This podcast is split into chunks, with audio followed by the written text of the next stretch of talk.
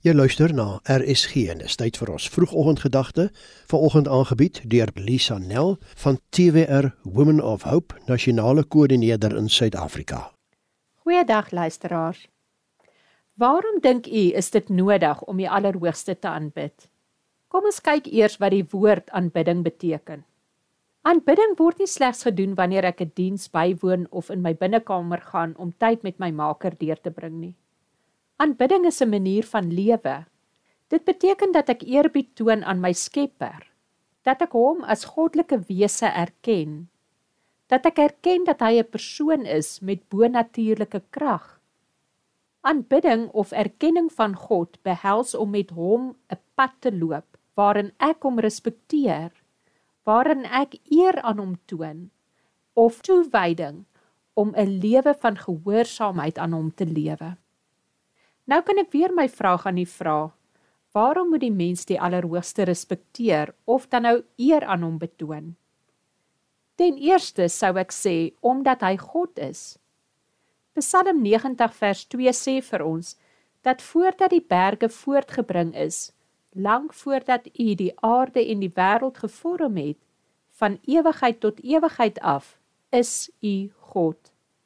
My liewe luisteraar, God is God. Niks in hierdie wêreld sal dit verander nie en daaroor moet ons hom respekteer en aan hom eer toon. Ten tweede, omdat God lewe is, moet ek hom respekteer. Ek wil amper vir u sê, as jy weet wat goed is vir jou, sal jy God respekteer deur aan hom gehoorsaam te wees, omdat hy die lewe self is.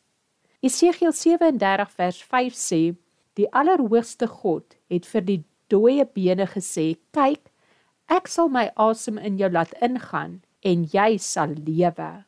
En ek sal bind weersel op jou lê en ek sal vlees op jou laat omkom en jou met vel bedek en asem in jou inblaas en jy sal lewe en jy sal weet dat ek die magtige is." In Genesis 2 vers 7 sê die woord vir ons: God het Adam uit die stof van die grond gevorm en in sy neus die asem van lewe geblaas en Adam het 'n lewende asemhalende wese geword. Maar wat sou u sê is nog 'n rede waarom moet ons God aanbid? Omdat God ons verbied om enige ander magtige aan te hang.